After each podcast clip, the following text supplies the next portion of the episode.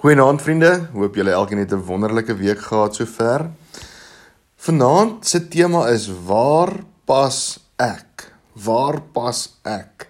Efesiërs 5 vers 20 en 21 sê: Terwyl julle God altyd vir alles dank en in die naam van ons Here Jesus en aan mekaar onderdanig is in die vrees van God.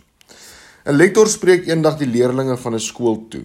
Sy tema is die manier waarop ehm um, daarna persone verwys word. Hy sê julle almal ken die werkwoord wat vir die verwysing na persone gebruik word. Ons sê mos ek is, jy is, hy is. En so word dit in al die tale van die wêreld gedoen. Engels, Frans, Duits, Italiaans, Latyn. Almal volg dieselfde verwysingswyse. Ek of ek het lief, jy het lief, hy het lief. Ek loop, jy loop, hy loop. Maar is dit nie 'n bietjie 'n selfsugtige verwysingsmanier nie?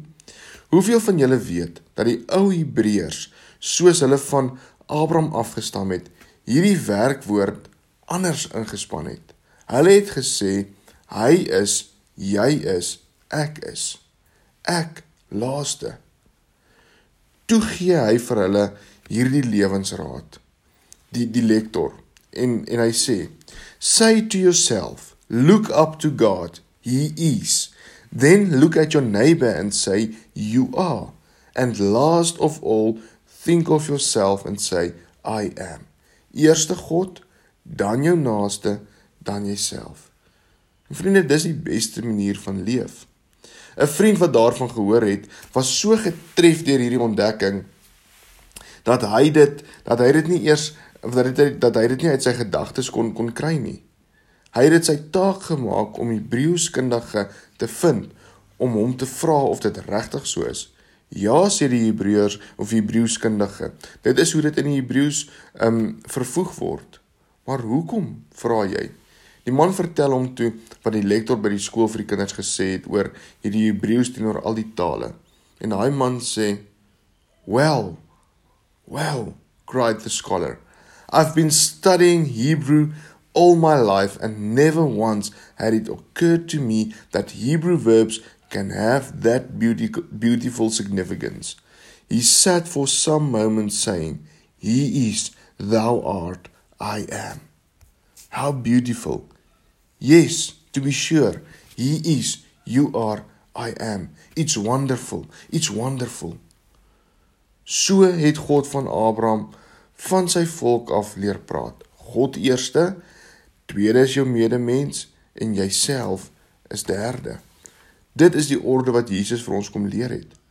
God moet hoogste eerste wees, dan jou medemens en dan en dan laaste jouself. En die wêreld het hierdie wêreld die, die wêreld het gekom en het hierdie orde net kom omgooi. Ek eerste, jy tweede en hy is God en ander mense is derde. Vriende, Dalk moet ons weer die die orde net so 'n bietjie verander.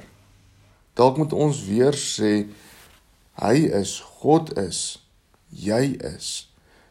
Tweede, die mense en ek is laaste. En daarom bid ons vandag en sê Here, Here, vandag wil ek ook hierdie orde in my lewe inbring.